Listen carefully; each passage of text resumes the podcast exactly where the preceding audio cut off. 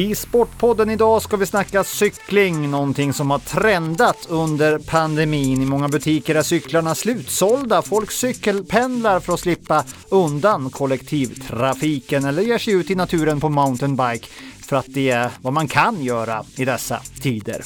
Inom den åländska cyklingen är det också saker på gång, bland annat en helt ny förening. Det fångar vi upp här i Sportpodden.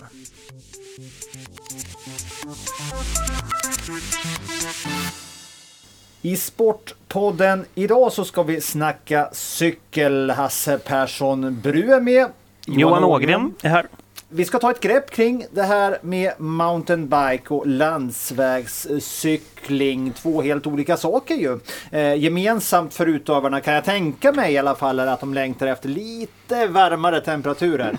Att det ska bli eh, lite mindre isigt och blött i markerna.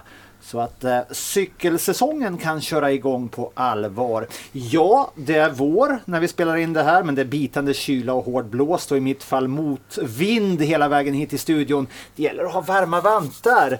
Eh, det känns som om mina bästa cykelupplevelser ännu ligger framför mig det här året. Hur är det för dig Johan? Eh, gud ja, det är det absolut. Jag var ute och cyklade igår på landsväg och det var fruktansvärt kallt, om framförallt fötterna, eh, då jag inte har några särskilda skydd till. Eh, utan det bara var iskallt eh, när man hade cyklat klart. Ja, men så är det. Eh, de står och stampar här cyklisterna att komma igång på allvar. Eh, det gör också en ny åländsk förening faktiskt som är under bildande. Åland Trail Riders. Blivande ordförande där är Michele Ferrari. Och tänk som av en händelse han är här hos oss nu. Välkommen hit! Ja, tackar. tackar. Eh, till Sportpodden. Vi tänkte fånga upp lite vad som är i görningen. Den här föreningen, vad, vad är det som är på gång Mikael? Ja, alltså det har ju funnits länge ett, ett ganska stort intresse ändå för mountainbiking och det börjar med mer och mer och flera som vill börja och, och det har inte riktigt funnits en, en förening eller någon liksom knutpunkt för en, liksom en vidare satsning vad gäller banor eller någonting som arbetar för, för att få, få eh, liksom sporten igång här på Åland på ett helt annat sätt. Så att eh, vi tänkte att vi drar, vi drar igång det här och, och försöka få, få någon sorts eh, vad heter det, början på det i alla fall. Ja. Ja, vad är det du skulle vilja se här nu då? Är det, är det ungdomar som tävlar eller vad, vad, vad tänker du dig? Ja, alltså det här med tävling, tävling har vi nog inte riktigt funderat på nu i det här skedet. Att, att det är ganska mycket allt med, med liksom organisatoriskt sånt. Jag tror det är viktigt nu att vi ska få, få tillgång till vissa markområden så vi kan bygga banor och, och staka ut dem och, och marknadsföra dem och visa att det, det, finns faktiskt liksom möjlighet till att göra det här. För att nu är det ju mycket som vi håller på nu för tiden är mycket, är mycket stigar med mera som redan finns. Men men som såklart inte sen är, är utmärkta eller, eller marknadsförda på det sättet. Och det är liksom, vi måste få tillgång och, och, på papper på att vi, vi får använda ett markområde för det. För att det kommer ju de här markägarfrågorna och möjligt annat in i det. Så det är väl den högsta förhoppningen nu att vi ska få igång det på det sättet och börja där och sen, eh, sen liksom få, få såklart flera ungdomar, juniorer och börja med det och, och, och starta upp det därifrån. Finns det en uttänkt eh, mark till det? Ja, ja, vi har lite varit och tittat. Jag hade en motion i, i Mariehamns stadsfullmäktige som, som eh, tog tillvara på det här och då fick vi erbjudet ett markområde. Det är lite oklart ännu. såklart. Eh, allt har ju sin process så hoppeligen ska vi få utnyttja det eh, markområdet till att börja med till att göra någonting lite mindre. Men sen är det ju en öppen fråga åt kommuner och markägare och landskapet också som sitter på mycket skogsmark att, att höra av er så mm. får, vi, får, vi, får vi börja arbeta med det. Eh, ja, men när du säger banor här, Mikael, vad är det du menar då? Vad är det som krävs för ingrepp i naturen för att kunna kalla det en bana? Jo, alltså, det, det är egentligen ganska små ingrepp vi pratar om för att det är ju en, en liksom, vi vill hålla det för det första så naturligt som möjligt och sen kan man allt från liksom fylla ut vissa, vissa bergspartier så det gör, få bort liksom sprickor och annat och bygga lite små träbroar och, och, och spångar till att sen helt enkelt rensa upp lite marken och sly och bygga lite kurvor och lite annat. Så det är väldigt, väldigt ingrepp som, som inte på det sättet permanenta. Det är ju inte som vi ska börja gjuta och asfaltera någonting. det skulle vara, skulle vara väldigt, väldigt konstigt på det. Eh, väldigt små ingrepp som gäller och vi, vi har nog en, en, en tanke i det bakom att det ska vara väldigt naturliga leder på det sättet. Att de helt enkelt ska vara uppstädade mer än annat och, utmär och liksom utmärkta då efter det. Men vill man att det ska vara backigt? Hur vill man att banan ska... Ja, alltså det finns ju båda två såklart om det bara är platt. Jag är som gammal landsvägscyklist här på Åland och har cyklat igenom de här vägarna ganska många gånger så lite kupering skulle inte vara så tråkigt. Helt ärligt. Eh, eh, så det, det, ska finnas någonting lite för alla. Det finns ju många discipliner inom mountainbiking också. Allt från mera cross country som du egentligen nästan är, är, är, en grusväg du cyklar på vanligtvis och cyklarna är lite byggda för det till mera enduro och downhill som är mera, mera liksom ner, nerför som det satsas på. Så att, hoppeligen få lite, vi kan ju inte, vi kan ju inte få någonting liknande som finns i Åre eller Järvsö i de här fjällorterna. Vi har ju inte något, något fjäll eller berg här att tala om. Men det finns ändå ganska mycket man kan jobba med med de här små, små höjdskillnaderna egentligen vi har på Åland. Ändå. Det räcker inte med Järmundö då, sommartid? Ja, alltså det, det, är rätt intressant. De har ju en lift där. Ja. Så att det skulle vara intressant att fara. Jag har aldrig varit en, en uh, aldrig stått på liksom slalomskidor eller en snowboard Nej. själv. Så att jag har egentligen inte varit ute där en, någon gång när man var, när man var i skolan. Var dit. Men, men det finns nog en, kanske en möjlighet där också. Men alltså, jag funderar ju på nu då. Det finns ju de som har mountainbike och, och, och, och håller på med det redan mm. idag va? Utan att de här banorna för den skull som du pratar om finns. Eh, hur ser cyklingen ut idag? Var, var, var cyklar man? Ja, vi brukar ju fara, vi, vi är ju ett gäng som brukar fara väldigt ofta och, och liksom ut och det finns jättemycket redan inofficiellt i Jomala runt motionsspåren och brukar få ut i Getabergen ganska ofta och an, annat. Så att det finns ju. Samtidigt så är det omöjligt för oss att, att, att marknadsföra dem och, och sätta upp de här lederna eftersom vi inte har det på papper att vi, man får på det sättet. Det är ju inom allemansrätten såklart men det är ju en annan sak som marknadsför. Så det är väldigt svårt för, för de nya som vill börja och veta. Att det hänger ju på att man ska fara ut med någon som vet var det finns mm. från början. Att eh, det, det, det, är väl mest där som vi behöver jobba. Och, och sen såklart, det här kan ju i framtiden bli en turistgren också. Det växer otroligt stort i Stockholmsregionen och i Åbo och i Helsingfors. Och det finns, speciellt Finland ligger lite efter i den här utvecklingen. Vad krävs då för att lyckas locka hit turister för att cykla? Det krävs att vi har en, Vi måste ju utgå från att vi, vi värdesätter den speciella naturen vi har här på Åland. Att eh, bara ha, ha någon, någon liten stig. Och vi kan utnyttja våra vandringsled till exempel. Man kommer och cyklar en vandringsled en dag och sen är man kanske på ett lite större center om vi någonsin får det. Eh, liksom en annan dag och sen får man ut på Get till Getabergen och cykla på klipporna vid havet en annan dag. Det är rätt unikt för Åland och man, man lätt eh, kan vara här tre, fyra dagar. Och då bor man på hotell, man äter på restaurang, man, man besöker barerna på kvällen. Så att det, det är ju liksom win-win för hela samhället. Med väldigt små pengar. Vi snackar inga, liksom, om vi bortser från marknadsföringskostnader så är det otroligt små summor vi pratar om. Det låter lite som frisbeegolf-idén. Ja, alltså de, de, eh, den här frisbeegolfen så visar ju hur, hur, hur man med små medel kan göra någonting väldigt bra. Det handlar inte om att bygga, alltid, bygga dyra besökscenter och, och utställningar och allt möjligt annat. Utan, utan vi har det mesta eh, färdigt redan. Om vi bara skulle lära oss utnyttja det. Och vi bara skulle ta det här extra steget. Det snackar ju några hundratusen euro skulle vi kunna komma hur långt som helst på. Och det är försvinnande små pengar för Åland som helhet. Konceptet för discgolf det var ju att det var väldigt många banor under väldigt mm. kort tid. Att det skulle vara en explosion som gav ja, liksom, lyskraft och, eko. Är det samma som krävs här? Det räcker inte att göra en bana på Åland? Ja, nej, det räcker inte att göra en bana. Vi, vi vill ju se en all satsning och vi har, ju, vi har ju redan från olika blivit kontaktade liksom personer runt om Åland som tycker att det är en jättebra idé och som funderar på markområden nu. Samtidigt så vi, det, det, det är ju en skillnad på ändå att bygga en mountainbikebana och lägga upp, inte för att något illa om discgolf, men det är ju, det är ju att lägga upp en korg eh, och, och rensa lite träd. Så att det är ju en liten skillnad. Jag tror inte vi satsar på en så stor snabb expansion, men att vi liksom är i startgroparna nu och sen få se hur hoppeligan så fort som möjligt om vi får markområden tillgängliga. Ja, det finns ju arkitekter här som ser linjerna i naturen när de bygger sina discgolfbanor. De kanske känner sig trampade Jo, på tårna. nej, ja, ja, nej, alltså det var ju inte meningen på det sättet, men det, det är ju eh, liksom själva, själva, själva liksom, eh, arbetet är kanske ändå lite, lite mera krävande på det sättet. Om jag, om jag liksom får utveckla det där, Ja. och, och det, är ju, det är ju också såklart, det är ju inte bara att, att dra en stig och så blir den intressant, utan där är det ju också en inlärningsprocess. Vi har ju varit och byggt lite banor redan lite inofficiellt på det sättet och man har ju liksom förbättrat alltid på de vi har. Eh, Men eh, det är ju såklart en inlärningsprocess där också. Då skulle det vara väldigt intressant. Samma som discgolfen hade någon utifrån som kom och konsultade så, så finns det väldigt många både på svenska och finska sidan som, som är jäkligt duktiga på det här. Hur lång är en mountainbikebana? då?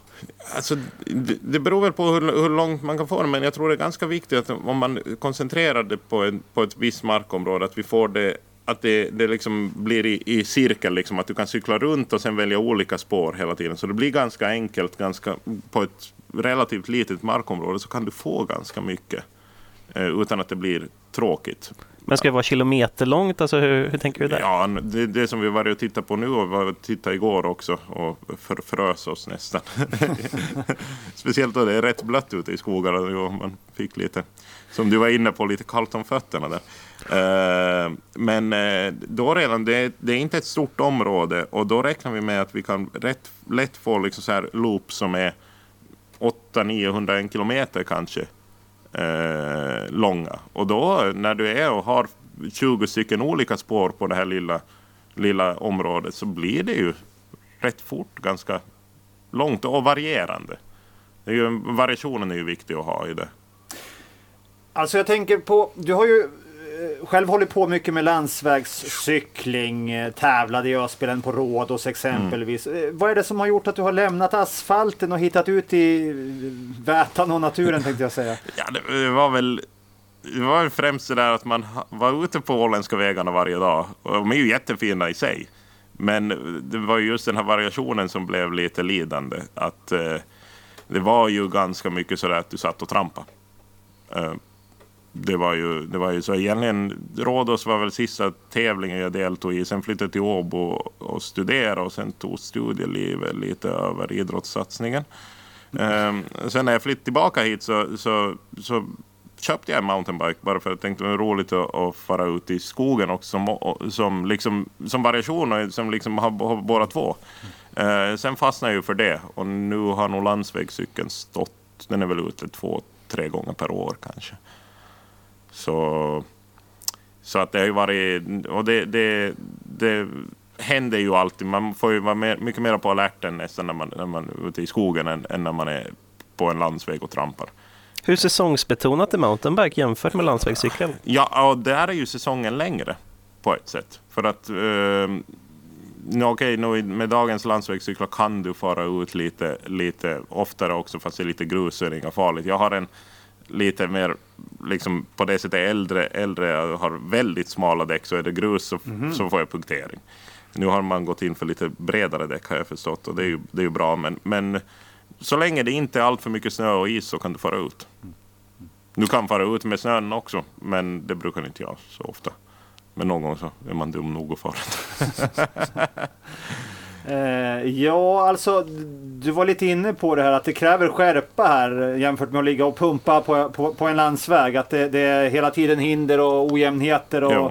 grejer. Eh, Det, du behöver ha fokus på ett annat Du sätt. behöver fokus, det är liksom hela grejen som, för mig som landsvägscyklist när jag började mountainbike och sen började lite liksom, man blev ju bättre och bättre tack och lov. Så, så hela bara hur, hur man flyttar, flyttar vikten på cykeln och allting och, och, och, helt annan liksom teknik i det. Ganska mycket balansträning då eller? En hel, ja, nå, ja, nu är det ju balans. Så länge man håller farten uppe så brukar det lösa sig. Ja, just det. Man får bara släppa och hoppas på det bästa många gånger. Ja, ja. Alltså jag tänker Ålands natur, det är mycket klippor och sånt där också. Att det, Det är, det är mycket klippor och mycket stenar. Ja. Mycket sten. Och, och, och s- skogen, man märker rötterna kommer fram ganska, ganska direkt också. Så det är inte den här liksom mjuka. Så du blir ganska duktig på teknik nog egentligen. Det är en väldigt teknisk körning vi har. Mm. Fast det inte kanske så väldigt snabb alltid, men, men eh, vi har, man blir ganska... Det kräver ganska mycket egentligen. Vad tycker du är tjusningen? Ja, alltså, tjusningen är väl mest det där att man, man, man, hoppar, man slänger sig ner för ett berg nästan och, och håller i och, och sen är man jäkligt nöjd om det går bra. eh, och sen någon gång så går det inte så bra. Men jag har ännu inga brut i någonting. Vad har man för Ännu. skyddsutrustning då? Lite där, eh, hjälm är ju såklart ett måste. Eh, sen borde man väl kanske använda lite mera någon form av knäskydd och annat. Men, men, men jo, det, kan gå utan också om man har tur. det har gått hittills. Ja.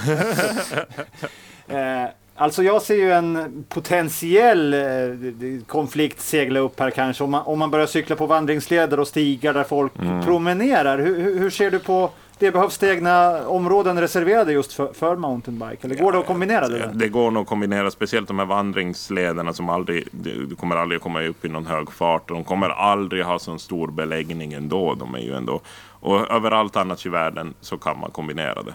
Eh, Det, det, till och med i år när vi är och, och cyklar så såklart på de här downhill-sektionerna så är det bara cykeln men det är väldigt nära det också vandringsleder uppför. Man funderar varje gång när man ser dem där komma gåendes upp. Nu har man ju inte fått fara dit på ett, nästan två år. Så att, Men, men eh, man funderar alltid att eh, är ni nöjda med era livsval? Liksom? Nej, men, men jag tycker inte att det, det måste gå att samleva kring det här. Att, eh, och vi ska ju komma ihåg att inte kommer vi ju tyvärr inte att få 200 000 cyklister hit per sommar. Det kommer vi inte att få, men hoppeligen 100 000. Skulle vara trevligt. Ja, men det är ganska ambitiöst. Ja, det är, det är lite väl ambitiöst kanske. Men, men, nej, men jag tror inte man ska, man ska ta ut de där, de där liksom konflikterna i förhand. Jag tror inte... Vi har, vi har kombinerade gång och cykelbanor i stan och det fungerar. Så varför skulle det inte gå i skogen? Säger Michele Ferrari alltså, blivande ordförande då om allt går i lås här Ja. med föreningen. eh, Jag fick, jag fick ett mail faktiskt här jag tror den till och med är registrerad nu. Hoppsan. Jag vågar, jag vågar inte. Ja. Jag vågar inte.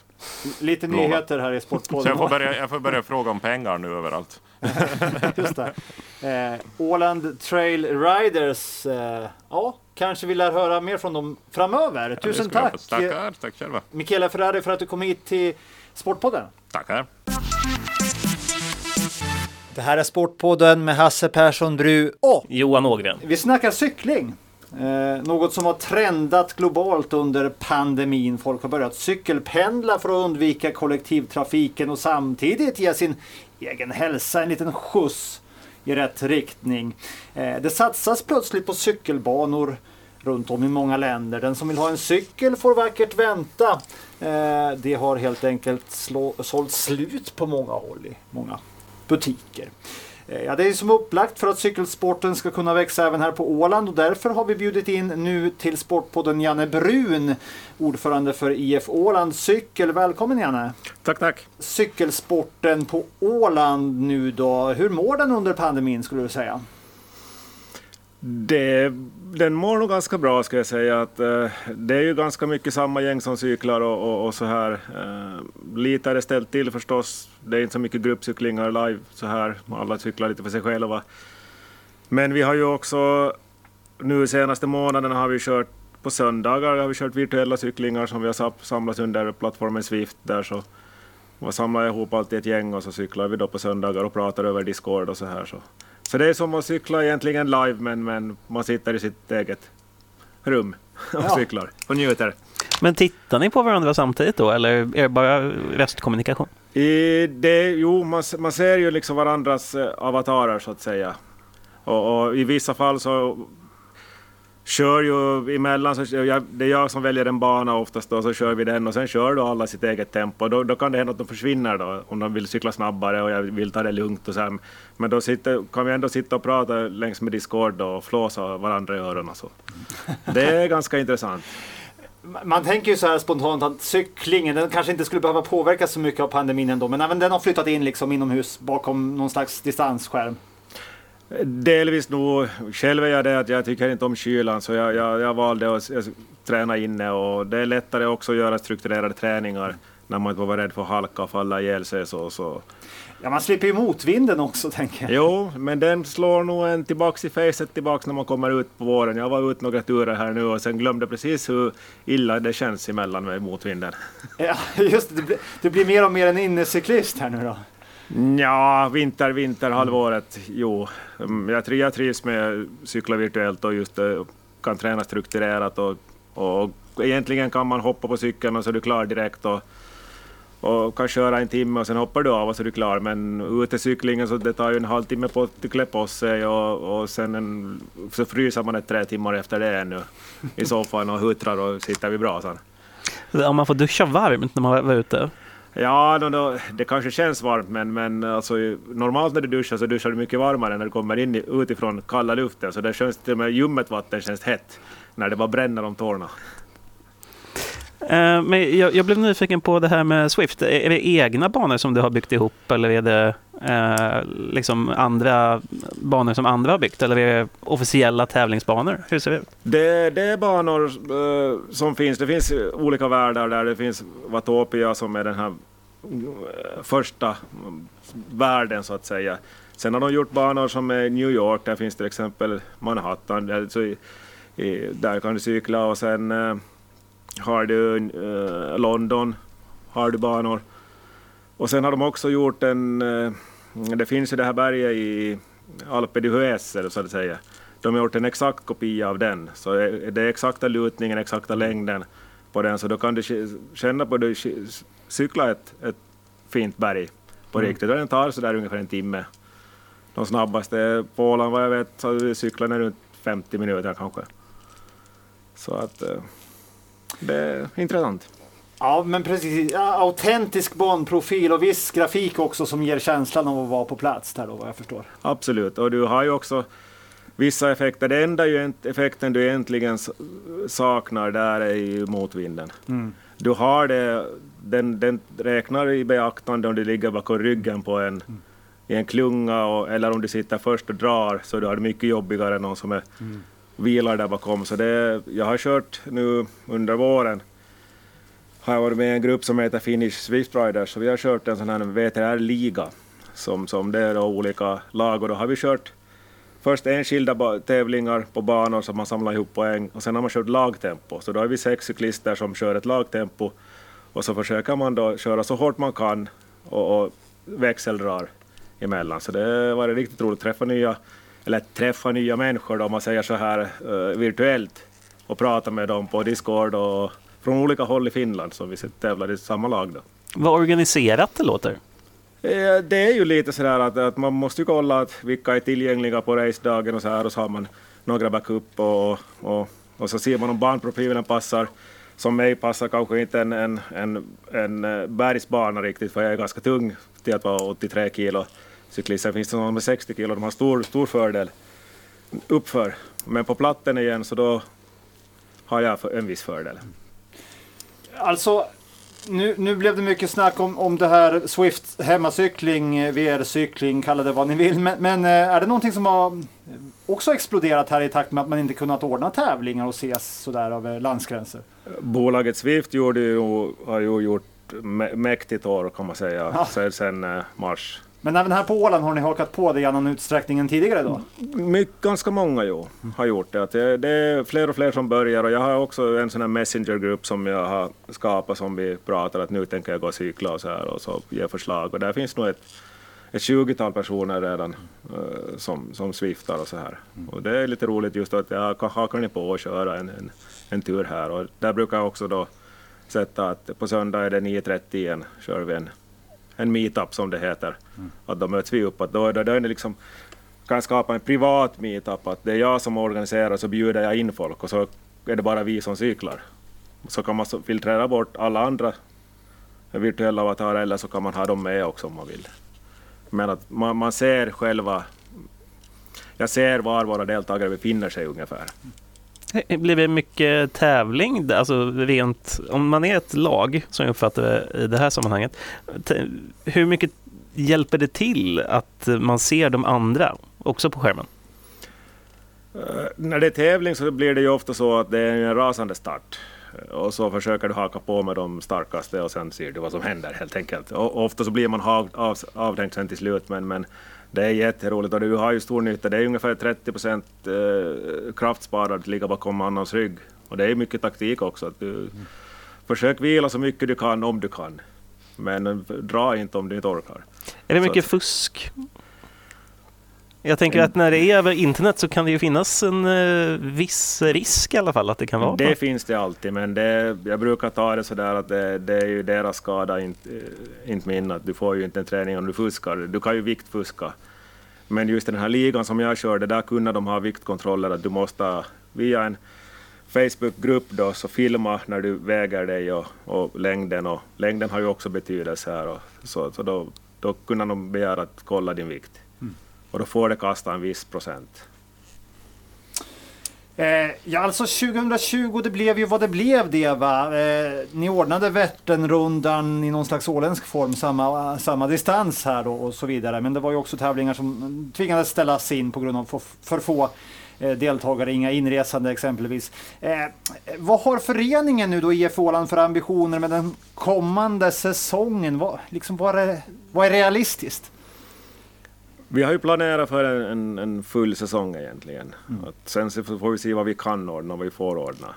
Uh, vi har ju Floratrampen i maj planerat. Uh, och så kommer vi nu också, första gången har vi har fått en intresserad MTB-åkare i, i utskottet, uh, Mattias Hyselius, och vi kommer också försöka ordna första MTB-loppet i juli. Så att, sen är ambitionen att kunna ordna Tempo-OM. Mm. Och där har vi lite kollat att det, det ska kunna gå att ordna så det finns. Och vilka regler som gäller, så, men det, det har jag förstått att det får vi bestämma lite själva här när det gäller OM. Men eh, kommer ni köra på nytt Vätternrundan här på Åland eller hoppas ni på att den ska arrangeras? Jag vet inte hur det ser ut om de gått ut med att det blir av. Jo, vi har ju via vår IF Ålands cykelsida, så där har vi alla evenemang. Det här var de liksom loppen så att säga som vi tänker ordna. Sen har vi också sådana andra evenemang som vi ordnar. Som till, till exempel eh, Min Vättern kommer vi ordna. Precis som det var en uppskattad eh, grej som vi fortsätter med. Vi körde veckan före riktiga Vättern om det blir. Så då har man möjlighet att, att köra ett varv, då kanske 160 kilometer och träna inför riktiga Vättern eller så köra hela om man inte vill få till Vättern och köra den. Och vi kommer att ordna det på samma sätt via, via Kärringsund och start därifrån och så gör vi en ny bana den här gången. Och, och en varvbana då, att det är ungefär hälften. Och sen ett varv till. Ja, eh, och anmälningarna har de droppat in redan nu då? Vi har inte gått riktigt Nej. ut med, med anmälningslänkar och sånt. De, det finns liksom där, eh, min Vättern är egentligen inte anmälan, att man, vi sätter upp en tid och så dyker man upp helt enkelt. Uh, Floratrampen och de andra loppen, så vi avvaktar lite ännu och väntar och ser vad, vad, hur det ser ut med restriktioner och sånt och vad som kommer att hända. Och, och visst jag har en liten tanke att Floratampen i maj skulle man kunna ordna kanske på ett coronavänligt sätt. Jag har sett lite ultralöplopp som har ordnats med att man startar med munskydd och lite avstånd. Och tidtagningen tas ju ändå när du passerar eh, linjen och, och igen i mål. Så då, och försöka på det sättet undvika klungor och, och så här. Sen om man på vägen någonstans blir en tvåmannakompisklunga eller sånt så det är väl som det är med, med starten och, och, mål och sånt så att man är direkt i startområdet har munskydd och kanske startar då med 30 sekunders mellanrum mellan och liknande. Det är lite tankar som jag själv har men vi får ju se om, det, om vi vågar ordna det. Det är ju alltid så att mm. det kan bli badwill om man går och ordnar någonting och det är lite restriktioner på det. Det skadar mera sen än vad kanske nyttan är. Att andas riktigt sådär tungt andfådd i, i ett munskydd, jag har inte provat det. Det, det. det, låter inte så behagligt. Nej, men då, då, är, då är tanken att man, man har i starten munskyddet ja. och sen tar man bort det när ja, man har passerat. jag förstår. Tack för att du reder ut här Janne, ja. eh, hur det är tänkt. Eh, alltså å ena sidan då, eh, Johan och Janne, det är många fler som cyklar nu då. Eh, å andra sidan har det inte gått att ordna tävlingar som ni är vana med, annat än VR-tävlingar då som du pratat om. Det är restriktioner, det ställs in, det går inte att resa och så vidare. Alltså sett ur det perspektivet, har pandemin gjort mer skada än nytta för specifikt cykelsporten? Vad, vad säger du Janne? Eh, jag tycker inte att det har gjort skada egentligen. Det har ju väckt mycket intresse. Det, det, som sagt, eh, cyklarna är ju slut överallt. Det går ju inte att få tag på cyklar överhuvudtaget. Jag vet min syster försöker köpa cykel i Helsingfors och det är totalt hopplöst. Mm. Så jag, jag, tror det är bara bra. Det, det kommer flera folk och cyklar och jag hoppas att det väcker sen lite intresse för möjligen tävla någon gång i framtiden eller, eller bara köra motionslopp och så här. Eh, så när man väl har skaffat cykeln nu och då kanske får den någon gång så kanske det blir en boom då på cyklingen. Mm. Det, det, tror jag definitivt. Jag tror inte att det har skadat på något sätt. Ja, spelen flyttades fram till 2023. Satsningen fortsätter nu då två år till. Nu hinner folk hoppa på. Absolut, man hinner träna sig i form. ja, eller hur? Eh, Okej, okay. eh, alltså Mariehamns stad presenterar ju just en cykelstrategi som går ut på att förbättra cykelbanorna och få fler att cykla här nu då. Det, det, det, det kanske vi redan ser. Eh, men det är klart att det går, att göra, det går att göra mer för cyklisterna på Åland. Det, det måste det ju gå att göra, inte bara i Mariehamn. Eh, men om vi ser lite till utgångsläget då. Hur bra skulle du säga att förutsättningarna här på Åland är för, för cyklande? Vi har nog ganska lugnt, speciellt på landsväg. Att det, det, det, är ganska bra stämning nu bland bilister och cyklister. Visst har det ju märkts en viss irritation emellan och att man inte kanske alltid använder cykelvägar. Men jag, jag, känner att det är betydligt tryggare än till exempel gå i Stockholmsområdet och cykla, eh, just landsvägscykling. För den som verkligen inte fattar det här, alltså, kan du inte bara förklara varför, varför ni inte använder cykelbanor? Det är ofta så att eh, cykelbanorna är inte riktigt gjort för framfart i de farterna till exempel jag som tävlingscyklist eh, har. Att jag kan ju komma upp i 40 km i timmen och där är hund, jag, jag, jag kan vara där men jag tycker det är tryggare för de andra också med sina hundar och, och, och går ofta bredd, i bredd med varandra. Det är mycket, sen är de också dåligt underhållna på det sättet. Sanden ligger kvar där jättelänge, de, de sopas nästan aldrig och det är ju små, små, små vassa, vassa stenar. Och det skär, hål i, det skär sönder däcken helt enkelt. Så cyklister tar hänsyn till gående, då kan bilister ta hänsyn till cyklister? Det skulle jag tycka, ja. ja. Att vi tar ändå inte eh, något mer utrymme än en moppe, så, så jag kan inte förstå varför aggressionen mot oss är så liksom är ökande så att säga. Är den det? Det har jag märkt. Jag cyklar så pass mycket, jag snurrar ju en 16 000 kilometer här på Holmen, så jag har märkt att det, det kommer fingrar, det kommer knytnävar, det kommer, man kör väldigt nära. eh, på flit så att säga. Och man förstår inte att, att 100 km i timmen en, en bil eller en buss som kommer väldigt nära så det, det suger ganska bra. Jag som van cyklist störs mig inte men en ovan cyklist kanske kan falla och stöta sig där. Att eh, det, det gungar ganska bra på cykeln när man, man kör hårt förbi. Det låter ju ganska skrämmande. Det, det, det är beteendet i trafiken. Det är som sagt, folk har så bråttom idag. Ja. Ja, det, det är anmärkningsvärt. Eh, vad säger du Johan? Du var ute och cyklade här. Har du, har du känt av de där grejerna? Eh, inte när jag varit eh, ute eh, fullt ut, men jag använder ju min cykel för att cykla till jobbet och vissa gånger så har man ju märkt på vägen hit att eh, speciellt tidigt på morgonen när man börjar jättetidigt att eh, människor tar ut svängarna lite väl onödigt mycket när det är, eh, finns möjlighet att vara lite längre bort humöret är inte på topp i morgontrafiken kanske inte här heller. Nej. De kanske stör sig på att jag är hurtig och tränare också och vill ta ut aggressionerna på det sättet. Eh, men förhoppningen är ju eh, enligt cykelstrategin och, och, och, vad många vill att vi, vi ska ju nyttja cykeln mer än bilen där det är möjligt här nu då. Fler cyklister på Åland. Tror du det kommer bli så gärna? Det tror jag då. Ja. Jag, tror just, just, jag tror nästan pandemin har gjort att det kommer som sagt att öka. Folk skaffar cyklar och märker att det, det är en ganska lätt träningsform. Du, det, det, behövs inte så mycket för att komma ut egentligen. Du behöver, har din cykel och du kan cykla så hårt du vill eller så sakta du kan men du kan njuta av naturen och, och, och bara vara ute. Och det, som sagt, det är väldigt lätt att komma igång. Och du behöver inte träna som jag, som en galning och köra runt, utan man kan ju bara njuta också. Jag, sådana cykelturer tar jag också, de är ganska sköna. Just det. Okej, okay. ja, men vad härligt. Eh, tröskeln är inte högre än så. Man måste inte sitta och trampa 24 timmar eller? Nej, det behöver man inte göra. Det är nog inte så många som gör det heller som ja. är så tokiga. du är väl en av få som har erfarenhet av det kan jag tänka mig här på Holmen. No, jag vet nog ingen som jag känner i cykelkrets som cyklar 24 timmar i ett streck på en trainer. Så. Men, men lite toabesök bara. Så det... Ja. Ja. Hur ser eh, intresset ut inför Öspelen? det har som sagt, det är ju framskjutet så långt fram så, så det har, jag, jag är själv intresserad alltid, men jag vill gärna se att det kommer yngre och utmanar och, och, och att det kommer flera intresserade så att vi inte behöver bara liksom skicka någon bara för skickandets skull. Utan jag är själv jätteintresserad och tränar hårt för det och, och, och jag hoppas faktiskt, det, här på radion finns det en som är cykelintresserad också så, och verkligen visar att uh, han tycker om det och är väldigt intresserad. Så jag tror att det ökar och jag hoppas det kommer unga och, och utmanar oss gamlingar. Ja, Axel kan vi Axel ju tillägga. Eriksson, absolut. Han susar förbi där på, på, på vägen någonstans ibland. Det tar kanske sin början i Floratrampet i maj. Då har vi kanske till och med plusgrader här. ja, man ska aldrig säga aldrig.